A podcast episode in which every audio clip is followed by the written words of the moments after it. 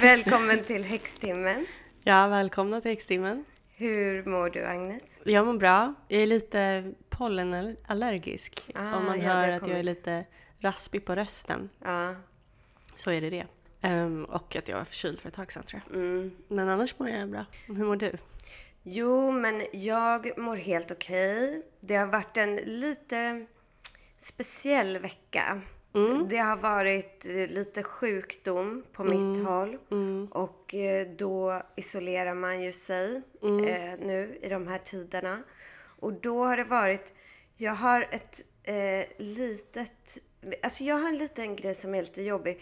Att det kan bli att jag lite så här eh, blir rädd för att jag ska tappa kontakt med verkligheten. alltså, Och då rent allmänt nu under eh, dessa tider? Nej, eller bara eller nu när det- du var sjuk? Nej, men det kan ske ibland. Det är ofta när jag hittar något ämne som jag tycker är väldigt spännande Mm. att eh, göra research på. Ja. Och då så liksom går jag in i det jättemycket. Och så tyckte jag nu att det var jättebra eh, för att jag hade massa tid. Jag ska ändå inte liksom träffa någon eller så. Nej, precis. Men då blir det ofta att det liksom blir för mycket. Du tar över? Ja, och då typ kanske mitt, om det är min lejonascendent som börjar liksom skrika eller om det är eh, min, eh, någonting att då behöver jag liksom mina vänner och alltså folk som så här tar en tillbaka till verkligheten. Eh, Är det och, som att du snör verkligen in på ett ämne ja, liksom? precis. Och den här Det har jag märkt den här veckan. Ja, den här veckan var det ju bland annat åttonde huset Ja, i astrologi. Ja, som jag har är- lärt mig väldigt mycket också. Du har ringt och bara Agnes! Åttonde huset, visste du det här? Ja. Det är så sjukt! Ja, och det är ju typ dödshuset. Alltså visar hur man kommer dö. Mm.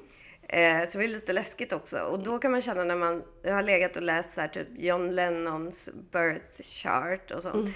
Och då blir man lite så här bara, Stod det att han skulle bli mördad? Ja, typ. Eh, om man har skorpionen i åttonde huset så kan man faktiskt bli mördad. Jaha, Det är inte nej. säkert, men Nej. det är många som... Ja exakt, för det, det beror på vilket tecken man har i det huset som liksom Ja. kan då... Ja, det kan Så- visa hur man kommer dö, typ. Man kommer dö liksom in spirit av det stjärntecknet då. Ja, Då är ja. skorpionen att man blir mördad. Det är ju Ja. ganska tippat. Exakt, det är ju det. Mm. Och liksom det mest... eh, Det är också det tecknet som styr det huset. Ja, Alltså aha, överlag, typ. Så det blir extra starkare. Ja, för skorpionen styr på något vis död liksom. Mm. Men ja, men det här var ändå att jag lärde mig väldigt mycket. För jag hade en sån här för ett par år sedan. När jag gick in på olika konspirationsteorier om ifall Leonardo da Vinci var en människa från framtiden eller Jaha. en utomjording. Det, Han känns ju onekligen som en framtidsmänniska fortfarande. ja, han Än idag. skulle kunna ju vara det faktiskt. Han var vegetarian Ja, dessutom. ja, precis. Och eh, typ bög tror jag. Det känns ju också framtiden. Ja, men och lite sådana saker som han säger känns ju som du säger att han, även om han levde idag så skulle han kunna vara från framtiden. Nej, men så jag tycker, den här veckan har varit lite prövande. Men jag har också då ägnat mig mycket åt annan astrologi. Nej, jag har haft mycket North läsning. Node och South Ja. Node. Ja, precis som vi kommer att prata mer om faktiskt i dagens avsnitt, lite det jag har lärt mig. Men också så har jag eh, faktiskt haft ganska mycket läsningar det. online framför allt. Mm, med poddföljare bland annat så. Det har varit väldigt kul. Ja, de, det är så härligt när du berättar hur mycket alla tycker om podden. Ja, det är så himla kul att få höra. Mm, men- verkligen. Och, och sen har jag också faktiskt ägnat mig, det var ju fullmåne har det ju varit. Mm, just det, i söndags. Ja. Mm. Så jag har ju ägnat mig också mycket åt meditation och eh, fullmånen och så. Mm. Laddat lite vatten. Ja, fullmånevatten. fullmånevatten och lite så här olika grejer. Mm. Vad, vad har du gjort? Du har ju Ja. varit administrativ. Ja, exakt. Jag har varit administratör. Ja. Nej men typ, jag har eh, varit admin för mammas flytt. Ja. Så hon har själv flytt ner till södra Sverige och det. sig i ett hus där. Så hon, det är ju trevligare än att sitta i en lägenhet i stan. För nu kan Mm. hon springa runt sin trädgård och sånt. Men då har hon alltså eh, sålt sin lägenhet eh, i stan, i Stockholm. Ehm, så har jag varit den som har skött hela... Jag har varit liksom flyttledaren. Just det. Och nu skedde flytten då i lördags. Så att... ehm, ja, så att det, det, det, det är det jag har eh, fokuserat på. Så det Ja. ser ut som att resten av omgivningen har försvunnit lite grann. Ja. Jag har bara sett eh, olika, mammas olika prylar framför mig hela tiden. När man blundar så bara snurrar de. Men alltså det kan på ett sätt, alltså jag vet ju att det har varit också lite jobbigt för dig, men Mm. kan vara lite skönt tycker jag sådär att förlora sig i så här, Ja. eh, typ eh, något eh, materiellt arbete eller vad man ska Mm. Ja, säga. verkligen. Ja, precis. Någonting som är så här, bara en, en fysisk eh, händelse som liksom har skett. Eller så här, det är någon, man, ser, man ser resultatet. Och, eh, och innan dess så var jag ju lite sjuk, så då var det också som att jag bara liksom inte, gjorde, inte tänkte på någonting. Alltså det blev som att alla mina rutiner och min vardag försvann. Och det kan också vara ganska skönt. Ja, Så jag känner som att jag har liksom blivit rebootad här nu, lagom till Mm. fullmånen. men det är ju skönt. Mm. Och, för vi är ju också på väg mot våren. Ja, påsken. Påska. Mm. Vi ska ju prata om ett ämne som är så kul idag och spännande, som är tidigare liv. Mm. Ja, men jag tänker att vi kanske ska berätta lite vad typ den allmänna teorin här i väst är kring reinkarnation. Och hur man återföds. Eller inte hur det går till rent praktiskt, men för att de flesta tror ju då att det finns som en dimension där vi är liksom själar dit vi kommer när vi har dött. Och där kan vi stanna ett tag. Det är någon slags, om man vill kalla det för liksom himlen eller någon typ av själdimension. Där Den våra... andra sidan. Ja, exakt. Där våra liksom högre jag befinner sig. Och där har man inte smärta och man har liksom, där är man det här bara kärlek och sådär. Men det man gör där är att man liksom bestämmer sig för att återfödas i flera liv. För att man kanske behöver, ens själ behöver utvecklas på något sätt. Man behöver genomgå vissa prövningar. Så att man är där ett tag och sen så då väljer man ihop med guider eller vad det kan vara vilket liv man ska gå ner i typ. Och sen kan man då leva hur många liv som helst egentligen. Och det finns något som kallas för Akashic Records eller typ Akashiska biblioteket som är en plats där, där liksom det finns som slags en logg eller vad man ska säga för alla liv vi har levt. För en människa kan ju ha levt så här 5000 liv typ. Någon kanske har levt lite mindre och så här. Och då helt enkelt så, ja, man väljer vad som ska ske i den kommande livstiden, ungefär. Så när man är på andra sidan, när själen är där, så kan den välja? Ja, det det typ. Men kanske att den gör det ihop. För man Mm. väljer inte så här att oh, jag vill bara vara rik och ha det skönt, typ. Utan man väljer mer för att så här, du kanske behöver göra upp den här karman eller du kanske behöver gå igenom eh, typ eh, något särskilt ämne eller ja, prövas på olika sätt. Något i den stilen. Och det finns så här exempel på, det är många barn som minns tidigare liv. Generellt så tror man att barn upp till tvåårsåldern ungefär, att det är ganska vanligt att barn minns tidigare liv eller har i alla fall drömmar från tidigare liv. Då finns det också exempel på barn som har berättat när de var liksom i den här själdimensionen och typ satt i något slags eh, liksom molnslott eller någonting och tittade ner på jorden och de som skulle bli deras föräldrar och sådär. Ehm, Wow. Ja. ja, så det där är ju speciellt att, att foster drömmer. Eller Mm. liksom, ja, färdiga barn fast i magen. De drömmer ju. Vad drömmer de om? Ja, de drömmer exakt. tydligen jättemycket. Men de har inte varit med om någonting mm, ännu. I, i, den, I den skepnaden i alla fall. Nej, och de kanske då drömmer om tidigare Mm. liv. Man kommer inte ihåg någonting från när man var bebis. Nej, Kanske finns en anledning. Ja men precis. Och sen jag vet själv, alltså jag vet inte hur tidiga minnen jag har egentligen, men jag vet själv att drömmar man hade som barn kunde ju vara, kännas lite sådär som att de kom från något helt annat. Man vet ju inte. Nej, precis. Men det finns ju i alla fall väldigt många sådana eh, exempel på sådana barn. Ja, och det, det... Man tänker på religioner. Alltså inom buddhismen tror man ju till exempel att Dalai Laman återföds. Och att det är något viktigt i det, att det är samma själ som blir Dalai Lama återkommande. Och då tänkte jag på kristendomen. Och den är ju verkligen så här eh, YOLO. Alltså verkligen så. Du har en själ som får ett, en chans i ett liv på den här jorden. Och det är typ så de har tagit kontroll över så många människor. För att eh, då måste man eh, göra som kyrkan säger. Annars kommer, man, kommer det gå åt helvete på andra sidan. Liksom. Eh, så att Medan det här är mer då Jalla, som vi har pratat om förut. Precis, Så You ja. always live again, vilket Ja. är mer så här hoppfullt. Eh, Men, alltså, men den kanske den mest kända um, reinkarnationen just nu, det är ju Robert Kardashian som då enligt Kim Kardashian har återföds som Just hennes son. Salm West. Ja. Eh, som är nu typ två år tror jag. ja.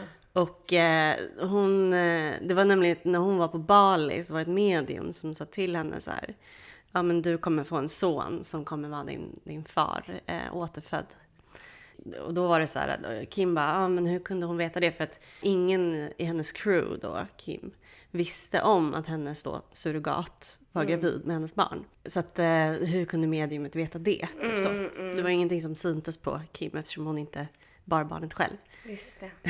Ja, det är Ja, och sen så var det tydligen, eh, så är tydligen den här barnet då vänsterhänt, precis som Robert Kardashian. Och eh, det var faktiskt ett annat medium som hade gått fram till Salm och sagt, eller hade typ träffat Salm och sen sagt till hans nanny bara, det här måste vara en familjemedlem som är reinkarnerad. Oj. Men det återstår ju se hur Salm West... Exakt hur den utvecklas. Men det måste vara också en speciell grej om man får det liksom lagt på sig av Ja. någon annan. Att så här, du är. Precis. Så borde det ju vara rätt jobbigt. Mm. Men jag, en lite så fin historia från faktiskt min fars barndom. Det var att det var någon familj i deras grannskap. Det var mamma, pappa, barn liksom. Eh, och mannen gick bort i en motorcykelolycka. Och frun sörjde jättemycket och så typ några månader efter han hade dött eller någonting så eh, i huset där de bodde så var det en mur utanför där pappan alltid brukade sitta på ett särskilt ställe. Och en dag så satt det en kattunge där. Den kom dit och satt just på den platsen flera gånger. Så mamman kände till slut att hon trodde helt och fullt att det var hennes man som kom tillbaka i formen av den här katten för att liksom kolla till dem. Så att hon tog in katten och levde med den och trodde att det var hennes man. som Nej, kom det är tillbaka. gulligt. Men det, Ja. det, har jag, det har jag lätt att se på något sätt. Mm, Att själen även kan hamna i djur, mm, mm. inte bara i människor. Alltså det skulle ju kanske vara en dröm, typ att vara en så här väl omhändertagen familjehund eller katt. Det är nog ett Eller- drömliv verkligen. Eh, Så älskad. Ja, och så liksom bara- enkelt liv. Precis, inte behöva så stressa och betala räkningar. Nej, exakt. Jag ska berätta för dig vilka, lite om olika metoder som det finns. För även om man inte då minns ett tidigare liv spontant så finns det ju sätt att väcka upp de här minnena och att ta reda på det. Ja, det borde ju jag göra. Ja, verkligen. Eller jag vill göra det. Ja, det tycker jag alla borde göra för det är så spännande. Och den kanske vanligaste varianten det är ju att man gör det som kallas för en tidigare livregression. Och det är en form av liksom vägledd hypnos. Man går till en, en sån som leder den här tidigare livregressionen som tar en tillbaka då till ett tidigare liv. Och det går ofta till så att först sätter de en i ett slags hypnotiskt tillstånd. Det är ju liksom ett meditativt tillstånd. Många tror ju att en hypnos är att man liksom är som helt borta typ. Men det är inte riktigt så. Utan det är ju mer att man är i ett extremt liksom avslappnat tillstånd. Man blir ledd genom en meditation. Precis. Och eh, den här meditationen syftar ju då till början att verkligen få en att liksom komma i ett djupt meditativt tillstånd. För att då är man mer öppen för att gå in i sitt undermedvetna eller sitt övermedvetna, om man ska kalla det. Eh, och då är det ofta så att de räknar ner, man går kanske igenom någon typ av portal och sådär. Och sen så får man ofta titta, eh, liksom man hamnar någonstans och så får man titta vart står du? De frågar en frågor under meditationen och skriver ner eller spelar in. Och då kan det vara att de frågar var befinner du dig nu? Vad ser du? Vad har du på dig för kläder och så? Och då är man liksom i en annan miljö någonstans. Och jag har ju gjort det här tre gånger, eller fyra kanske. Det som är roligt också, för de frågar ofta då så frågor som man pratar under den här liksom, hypnosen. Och då frågar de kanske vilket år är det? Och då svarar man. Och det lustiga är att man svarar på något vis, eller så har jag upplevt det i alla fall, att jag svarar ett svar som liksom inte kommer från mig, men det kommer någonstans mm. ifrån. Du som det är en annan röst? Ja, exakt. Eller man, det bara, man vet inte var själva svaret mm. dyker upp. Så svar, fråga liksom eh, vilket årtal är det? Och så bara säger man någonting så här, 1830. Det bara liksom kommer. Mm, wow. Ja. Uh. Men första gången jag gjorde sån mm. här. Måste berätta. Ja. Då hamnade jag i ett liv som utspelade sig som jag förstod det vid liksom skiftet ungefär 1800-1900-talet. Och jag var i, eh, jag vet inte hundra exakt var jag var, men tror jag var i Sydafrika. Aha. Någon del av Afrika, alltså men, och jag tror att det var Sydafrika, i Kapstaden. Det som jag såg där var att jag började med att gå i ett hem. Alltså jag befann mig i ett hem och jag skulle gå igenom det här hemmet och det var mitt hem. Och det konstiga är känslorna faktiskt som man har i en sån här regression. För man ser ju saker. Och grejen är att det här är ju, jag kan fortfarande minnas väldigt tydligt exakt hur det här hemmet såg ut. Och det var mitt hem, men jag har ju aldrig varit där. Alltså, mm, någon annan gång. Men jag mm. vet när jag går runt där att det är mitt hem. Jag vet vad saker är och liksom var, var saker ligger och så. Det häftigaste var faktiskt när de bad mig att titta i en spegel. Så jag stod framför en spegel och tittade in i den och ser mig själv. Jag vet att det är jag själv, men det är ett helt annat utseende. Oj! Ja, det, och det var en väldigt stark upplevelse. Men alltså, så du ställde dig på riktigt och kollade i en spegel så att nej, säga? Eller gjorde nej, du det i meditationen? I meditationen, ah, ja. Smart. De ah. säger liksom att nu står du framför en spegel, nu ah. öppnar du ögonen och tittar liksom. Mm. Så jag stod och tittade i en spegel i det här hemmet. Wow. Och, ser, och då var jag var en kvinna i det livet också. Ett helt annat utseende än vad jag har idag. Men jag kände det som att det var mitt eget utseende. Jag, jag visste när jag såg i mm. spegeln mm. att det var jag. Men det var ett, en helt annan person. Mm. Men det livet, det var inte jättetydligt för mig i den här eh, liksom regressionen exakt vad jag gjorde och så. Jag hade en familj. Jag tror att jag jobbade som någon typ av sjuksköterska eller någonting. En sak som var lite intressant var att det, det var mycket liksom kring järnväg i den här regressionen. Alltså att det var mhm. tåg och liksom sådär.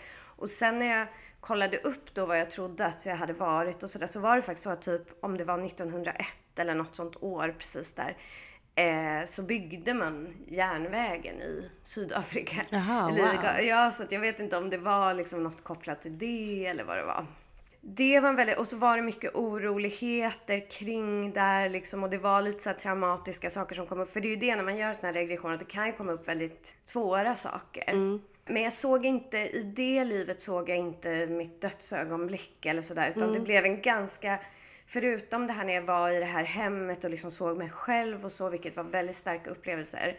Så blev det förutom det en ganska liksom skissartad upplevelse, mm. mm. det här livet. Mm. Den var inte lika djup som Nej, det blev ingen liksom riktigt sammanhängande historia.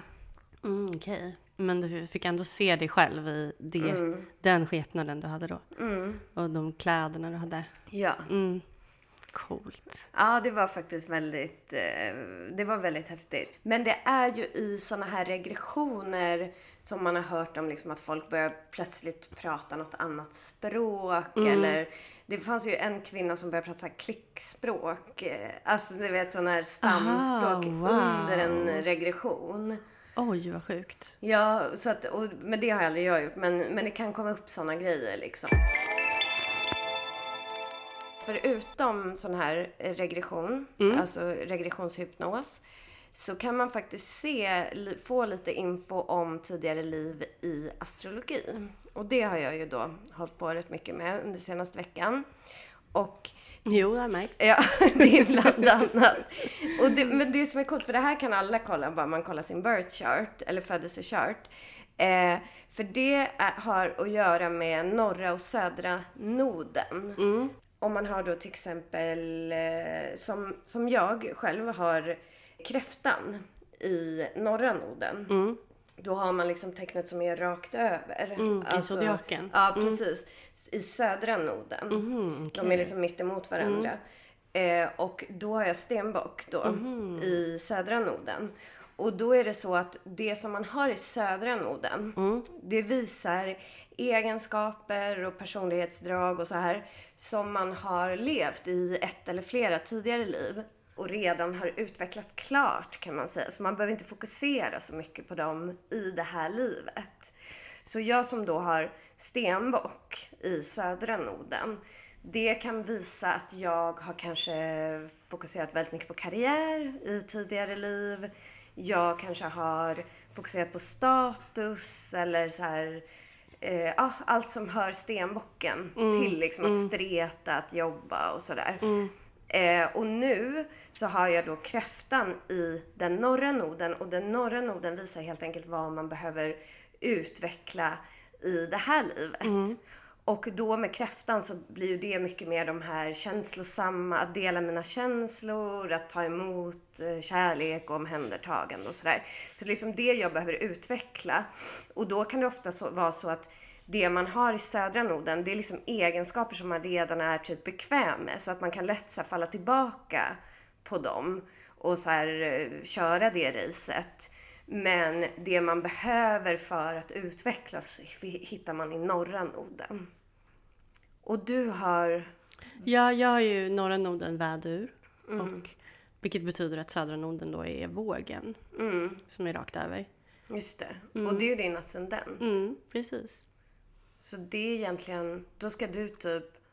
Du är väldigt bekväm med det här konstnärliga och balanserade och så. Men du ska typ utforska så här, att bara köra på och Ja, typ eller- ledar eh, eller liksom vad väduren är så här. Det är faktiskt sant. Jag behöver liksom leda och eh, köra på mycket mer än vad jag tar mig för. Ja, ja. Så det, det stämmer in. Ja, och jag kan ju absolut behöva jobba på mina kräftegenskaper. En till grej som är lite lustig med det här, det är att för att ofta, för jag vet i vårt astroavsnitt så sa jag till exempel att jag hade många vänner som är kräfta och även stenbock nämnde jag. Och eh, fast mitt, mina tecken egentligen inte ska stämma ihop med de tecknarna. Just det. Men grejen är att de tecknarna man har i både södra och norra noden är ofta sådana personer som man känner sig bekväm med. För att de i södra noden känner man igen så himla mycket. Alltså man dras till dem därför. Och de i norra noden är sådana som kanske inspirerar en för att det är det man behöver jobba på liksom. Ja, ah, just det. Ja, jag har ju många väderskompisar. Men en till sak som man kan se angående tidigare liv i eh, ens horoskop, det är ju faktiskt om man har Saturnus i Skorpionen, så kan det faktiskt vara så att man har många fiender från tidigare liv. Mm. Och det har du. Ja, det har jag faktiskt. Ja, och då är det upp till en att i det här livet möta dem och så här, inte gå in i strider utan bara så här typ, ehm, eh, vad säger man? Bara låt, let them go. Typ. Mm. Så man kan, ska vara lite beredd på att man kanske träffar många människor man har bråkat med i tidigare liv. Fast det känner inte jag alls Nej. faktiskt. Alltså jag tycker aldrig att jag så här, träffar fiender. Nej. Gör du det? Nej, jag har aldrig haft en fiende. Nej, jag, tror, jag har nog haft det lite sådär, men inte liksom, det är inget som sker, alltså. Nej, ofta. Nej. Nej. Skönt. Ja, ja det är väldigt Det skönt. kanske är mest de som har bråkat med dig. Ja, men kanske. Ja, exakt. Man kan träffa folk som man bara inte känner att man liksom De gillar. glömmer dig aldrig, men du har liksom bara Ja, stökat ju på i ditt liv. Ja, exakt. Ja, man kan ju undra vad jag har, vad jag. Exakt. Men sen så finns det, så att som sagt man kan då eh, titta astrologiskt. finns ju såklart massa mer grejer, men det här är liksom det mest basic. Men sen kan man också titta tarot och där kan man ju få veta ganska mycket. Dels kan man ju se på ens födelsekort. Det är ju, alla föds ju med två kort som liksom räknas ut från ens numerologi baserat på när man är född. De kan berätta lite om vem ens själ, kanske inte så mycket tidigare liv, men vad ens själ liksom har för uppgift. Men sen finns det olika tarotläggningar såklart man kan lägga. Det finns jättelånga. Och jag tänkte att vi nu, Agnes, ska lägga en kort sån här för dig. Ja!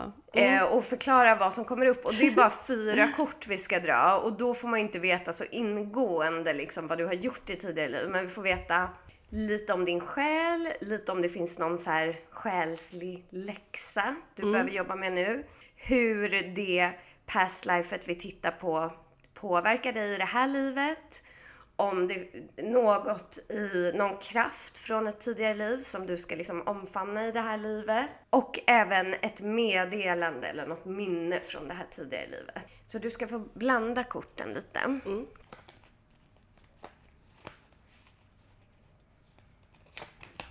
Och nu ska du få dra fyra kort då.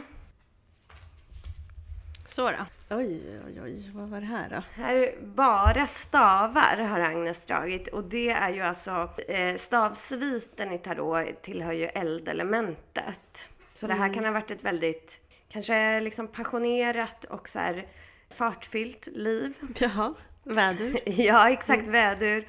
Ja, och då har Agnes i första positionen där vi tittar på Agnes själ eh, eller någon liksom läxa från eh, själen. Då har vi kortet två i stavar. Och det kan visa att du behöver på något vis utvidga dina perspektiv. Alltså din själ vill att du ska se mycket mer, expandera.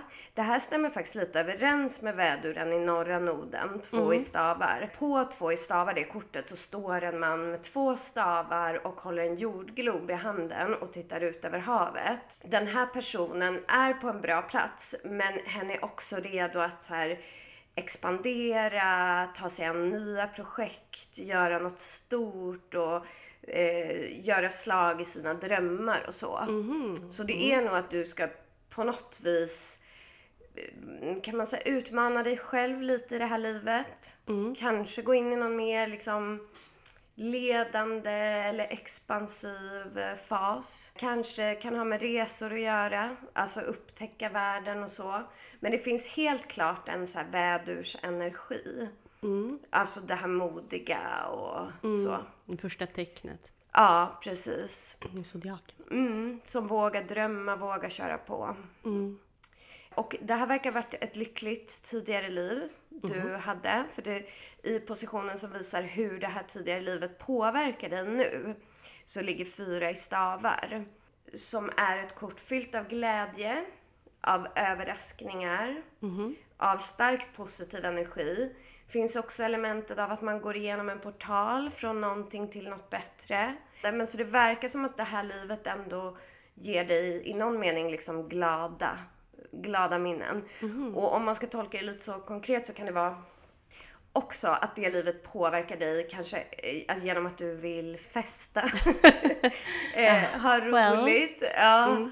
Och så här klä dig fint. Alltså alla de här sakerna. För du skulle kunna ha varit det finns också då i en kraft från tidigare liv som du ska omfamna. Då ligger drottning i stavar. Och det är ju en person som har en ganska hög position, eh, är liksom väldigt karismatisk, väldigt så här eh, som andra kommer till för råd och som syns och hörs mycket och sådär. Så det kan vara någonting att du har liksom mycket av det inom dig. Att liksom vara kanske nästan lite så offentlig inom din bransch. Eller alltså något sådär. Att du är en person som andra. En kändis. Ja men lite så. Agnes är kändis. I tidigare liv. Ja men jag tänker när man ser de här korten så tänker man ju direkt för det är mycket så här hovkort och liksom som visar faktiskt eh, visar de lite så här eh, status. Eh, Så att du kan nog ha varit till exempel rik i det här tidigare livet. Eller haft en ganska stark position i samhället. Och att eh, det påverkar dig genom att du kanske är dragen till vissa av de här grejerna. Alltså, så här, precis. det du ska embrace är liksom drottningens stavar. Det är den här starka eldenergin och sen så har vi eh, som ett meddelande eller minne från tidigare liv så ligger då riddare i stavar.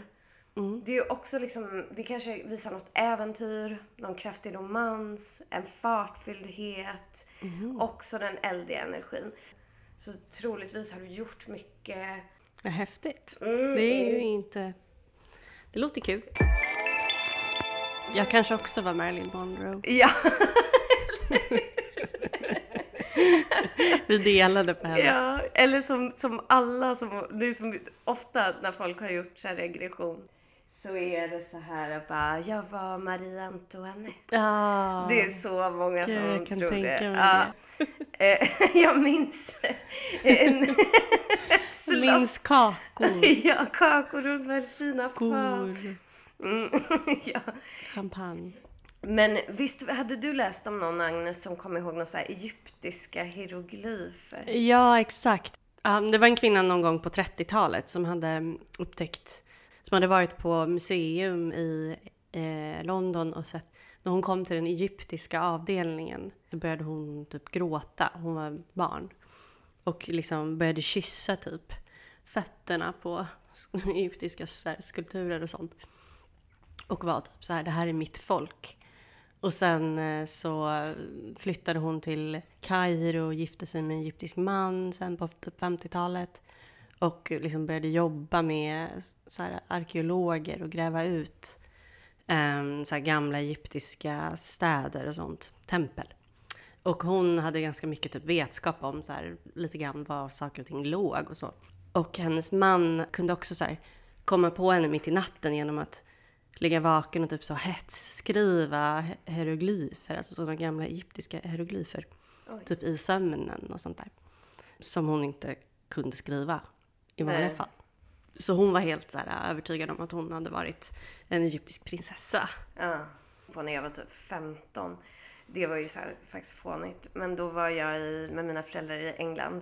Och så besökte vi ett så slott, typ Blenheim, där Winston Churchill bodde. Och då såg jag någon tavla på någon kvinna som jag bara, det där var jag. kände mig så himla hemma här för det här slottet. Jag måste ha bott här.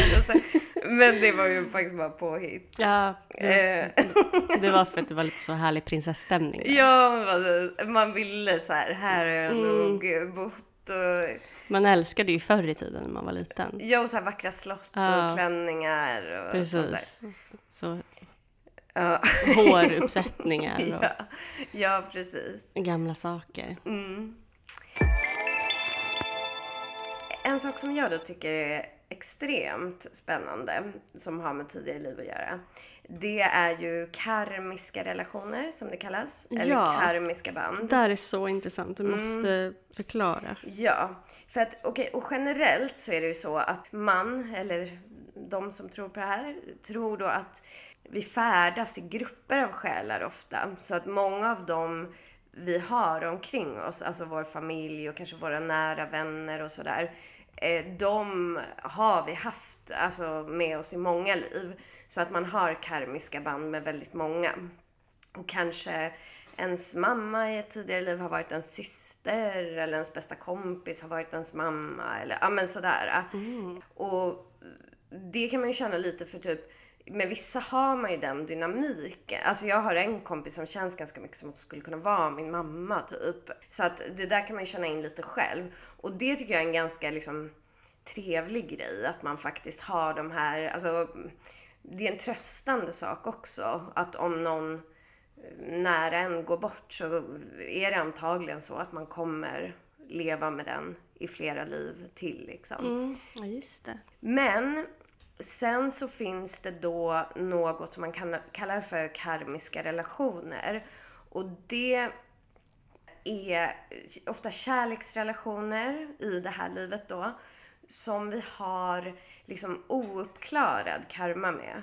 Så att det kan vara att man har sårat varandra i tidigare liv eller att man har förlorat varandra på något sätt i tidigare liv och att man liksom inte har klarat upp karman eh, mellan sig.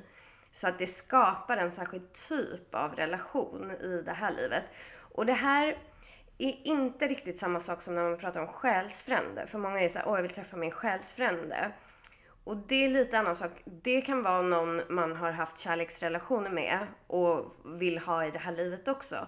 Men det, behöver, det är ofta inte någon man har liksom den här ouppklarade karma med utan det är en mer liksom lycklig relation. För de här karmiska relationerna, det, det kan vara lyckliga relationer men det kan ganska ofta vara så att det är relationer som blir destruktiva i någon mening eller svåra att ha, ha i det här livet.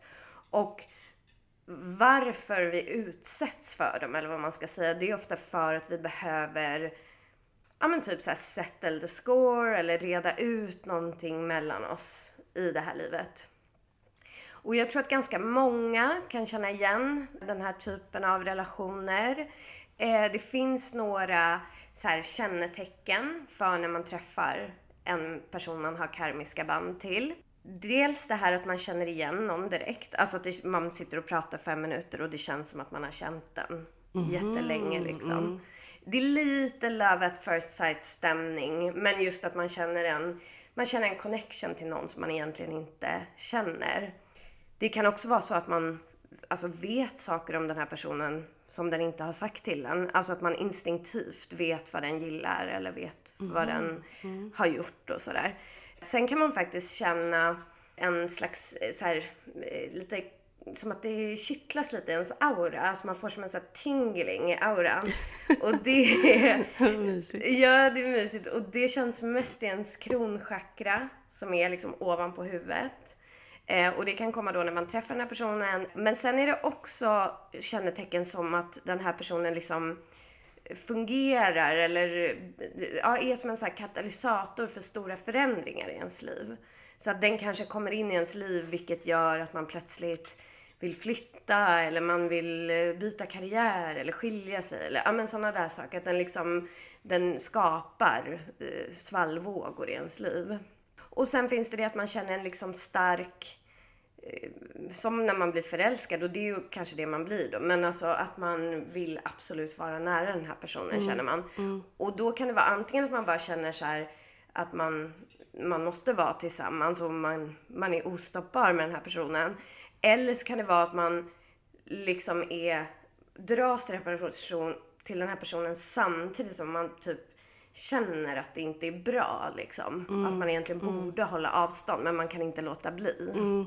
Man vet att det kommer sluta dåligt. Ja, de här relationerna som sagt eh, blir ju då ofta rätt jobbiga. Och hur man kan ta reda på det här, om man har såna här karmiska, det är ju dels att man känner igen de här tecknen, men då kanske man vill utforska det. Eh, för det kan vara väldigt svårt att gå igenom en sån här karmisk relation och det kan vara väldigt svårt att släppa taget om den. Men det finns sätt man kan göra det också. Men först så kan man då titta återigen i astrologi om man eh, har en karmisk relation, för det finns olika tecken på det. Och ett sånt tecken, då får man titta i chart, bådas födelsecharts behöver man ha då. Och då kan man se om det är så att den person, eller liksom de personliga planeterna, det är ju solen, månen, Merkurius, Venus, Mars och ascendenten. Om de hänger ihop, alltså är samma då, som den andra personen har i sin södra nod. Då är det liksom en, ett litet tecken på att man kan ha karmiska band. Och då kan man också titta på vilka planeter som är inblandade här. Alltså om till exempel man har också Venus i södra noden. då har den här eh, gamla relationen med kärlek att göra. Och då är det ofta det här att man får som en så här kärlek vid första ögonkastet liksom, känner man. När man träffar den personen. Är Mars inblandad, då kan man ha varit faktiskt eh, ovänner på något sätt eller fiender eller man kan ha haft en så väldigt tävlingsinriktad relation på något sätt. För bara för att man blir kär i det här livet så behöver det inte vara att man har varit det i tidigare liv. Man kan ju varit konkurrenter kanske. Men i det här livet så känner man igen varann. Eh, man kanske, det uppstår en attraktion av det liksom. Är solen inblandad kan man ha haft någon typ av maktförhållande till varandra. Alltså att den, den ena personen har varit den andras kanske chef eller ja, vad man nu var förr i tiden. Liksom, någon ja, ledare på något sätt. I månen inblandad så har man ofta varit familj eller kanske bästa vänner. Och är ascendenten inblandad, då har man haft en jättestor inverkan på varandras liv. Så då kan man liksom ha typ avgjort varandras öde på något Oj. sätt. Mm.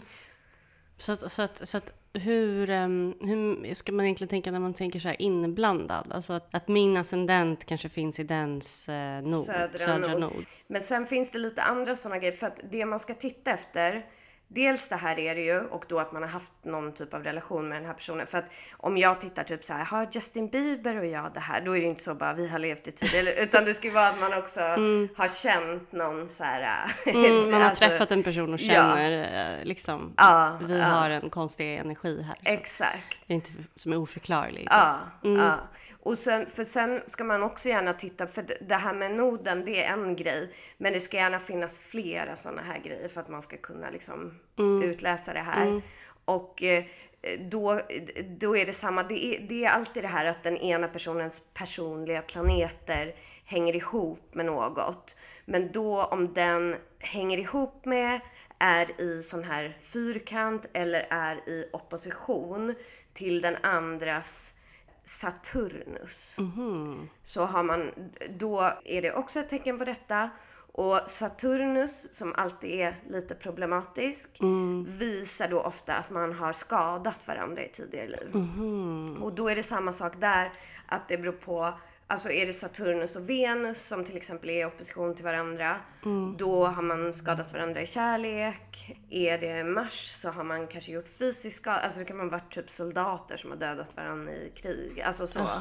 Och typ är det Merkurius så är det verbal skada, månen emotionell, Eh, solen kan man ha liksom eh, skadat den andras självförtroende eller blockerat den från att liksom leva sitt liv. Och med ascendenten så är det så att man kan ha, alltså, eh, det är så himla dramatiskt, men tagit ifrån den andra sitt syfte och frihet. Oj. Så det är ju ganska obehagligt. Och då är det så att i detta livet så kan då antingen pågår samma cykel, alltså att den här personen skadar en igen. Och då blir ens uppgift att faktiskt ta sig ur den här skadan i detta livet och liksom stoppa den här dåliga karman.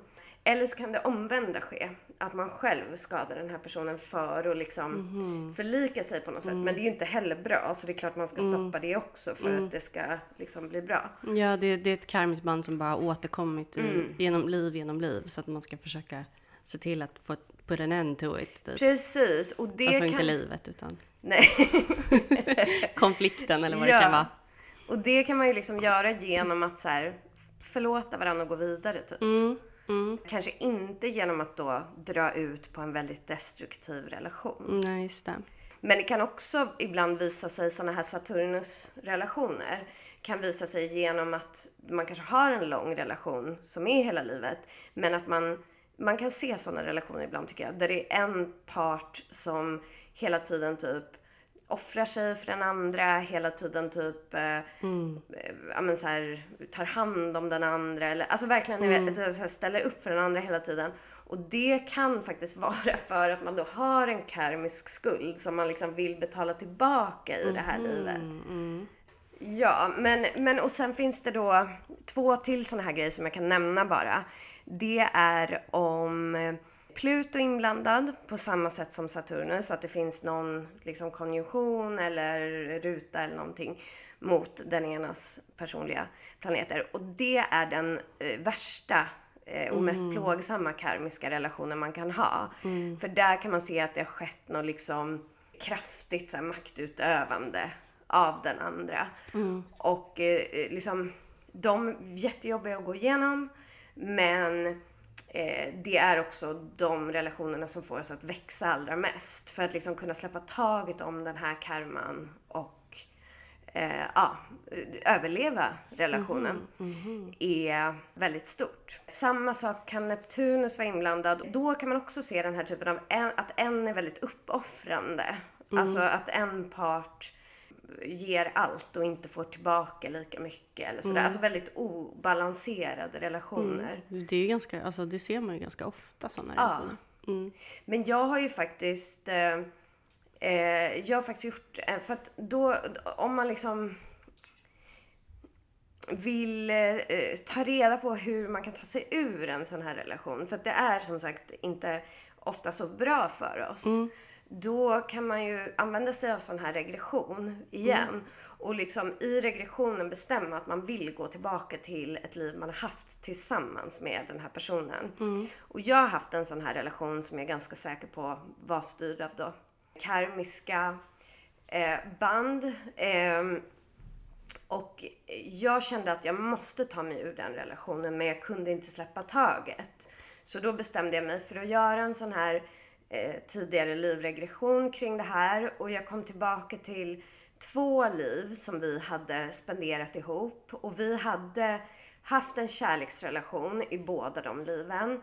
Det som hade hänt i de- liven var att han hade dött ung i båda liven och liksom lämnat mig genom att dö. Eh, Och i de liven så kunde inte jag släppa taget utan det jag gjorde i de liven var att jag begick självmord. Oj. Alltså jag tog livet av mig för att jag inte klarade av att eh, Var utan honom. Ja, och det var ju sorgligt. Men den, den här regressionen gav mig sån lugn och sån styrka och insikten att så här, i det här livet kommer jag inte att göra så.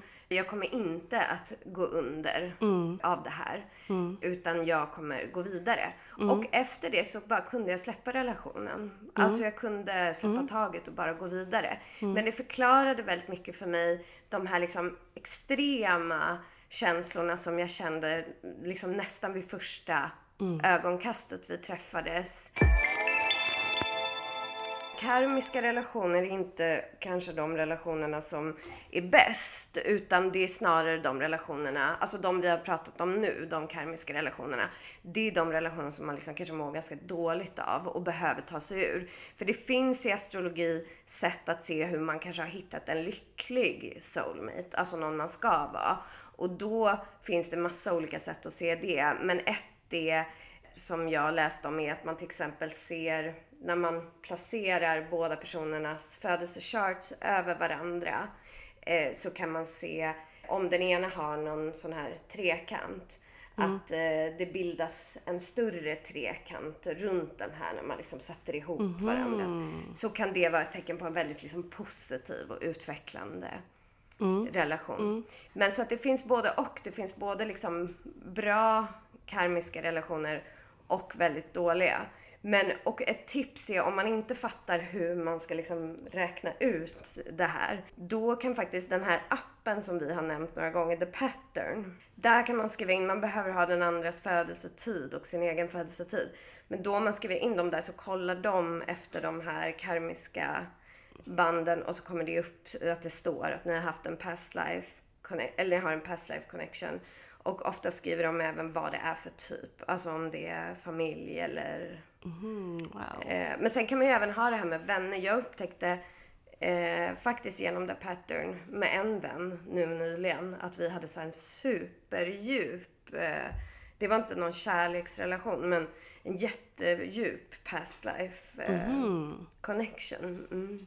Var det meta? Ja, exakt. Ja.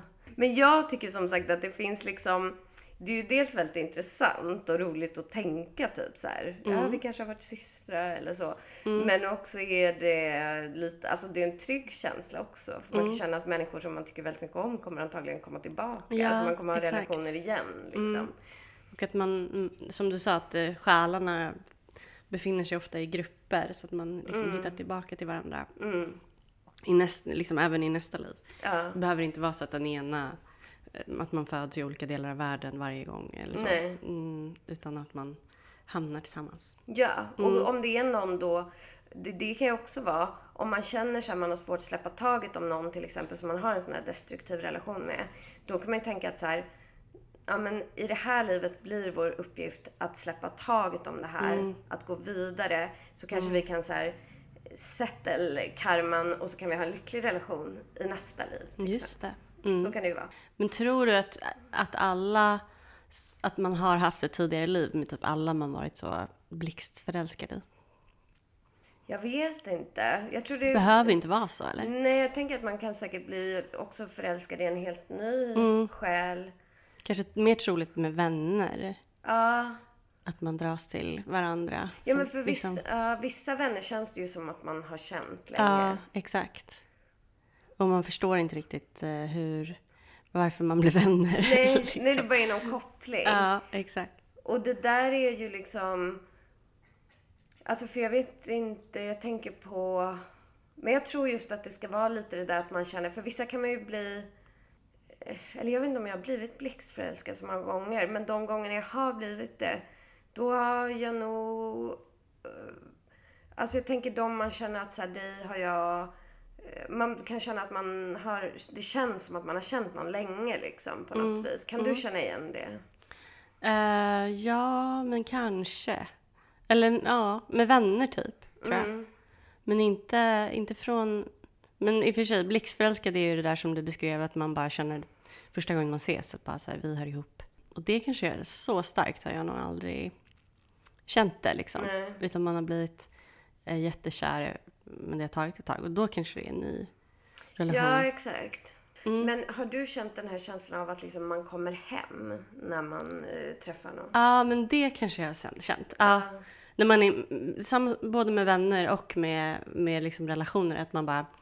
Det, finns liksom, det är svårt att förklara varför man ens är tillsammans. Eller varför man ens har, har varit vänner i, i 15 år typ. Eh, utan det bara, det bara måste vara så. Eh, Mm. För när man är tillsammans så känns det som att man är med sin familj typ. Mm. Ja, men jag tänker att det kan vara eh, från tidigare liv. Mm. Mitt allra första liksom, jobb efter gymnasiet, då jobbade jag faktiskt på tv-produktion. Och då så fick man, eller vi fick hem in typ tre veckor innan, innan jobbet skulle börja. Då jobbar man ju så här team, liksom tillfälliga team under några månader. Och då så fick vi hem en lista. Eh, det var alltså bara en namnlista, inga bilder eller ingen ålder eller någonting. Utan bara så här, det här är de som ingår i ditt team. Och då så tittade jag igenom den och så stod det så här Klara Wiberg. Och jag bara reagerade på hennes namn direkt och tänkte så här, vi kommer nog bli kompisar. Och sen så eh, träffades vi ju alla då några veckor senare och då var det direkt att hon och jag bara klickade. Och det här var ju alltså typ 18 år sedan och hon är ju fortfarande en av mina närmsta vänner. Liksom. Vi har varit som bästa vänner sedan dess. Så det var en sån lustig grej. Liksom, Att man bara ser så här, ja, hon kommer jag. häftigt. Du kände, du kände liksom av det bara genom att se hennes namn. Ja. Så att det var någon medial Ja. connection direkt. Ja, och kanske då någon, att vi har känt varandra Mm, tidigare, att jag precis. liksom kände igen henne. Och då kanske man typ känner igen bokstäverna, för hon hette något lik. Alltså man vet Mm. ju inte vad det kan vara, men... Det här kan man också såklart utforska i tarot. Så genom att lägga så här tidigare livspreads kring en relation. Och då det, finns det vissa kort man ska hålla utkik för som liksom tyder på tidigare liv. Och det är bland annat sexy bägare som kallas för så soulmate-kortet, men det kan visa på karmiska band. Det är justice, eller rättvisan. Kan vara judgment, eh, yttersta domen. Världen är ett sånt kort som visar, kan visa att man är liksom klar med sin karmiska läxa. Eller att man gör klart den i det här livet eller någonting. Om många av de här korten kommer upp i samma läggning så ska man ju titta på det. Och så kan det ju även vara om man, drar, om man har träffat en ny person och så drar man kort om den och så får man typ bara de här, alltså får man typ sexy bägare, rättvisan, eh, lovers, eh, yttersta dom, alltså sådär. då kan man ju tänka så här, oj, det här kanske är en karmisk relation. Och Mm. som sagt, då kan det vara bra eller dåligt. Det måste man faktiskt använda sin intuition. För jag tror att mm, det är ganska lätt att känna igen en sån här karmisk relation. Vill du också prata i micken? Ja.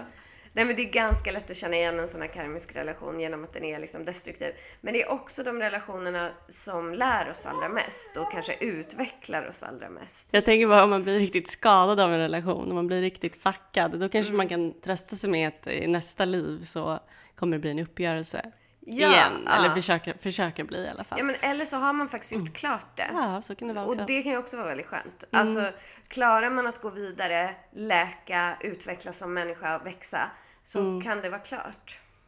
Och man vet om vad den andra personen har gjort med en. Så att. Ja. Så man, om, man har något, om man tar med sig ett beteende från Mm. en relation så kan man, vet man varför.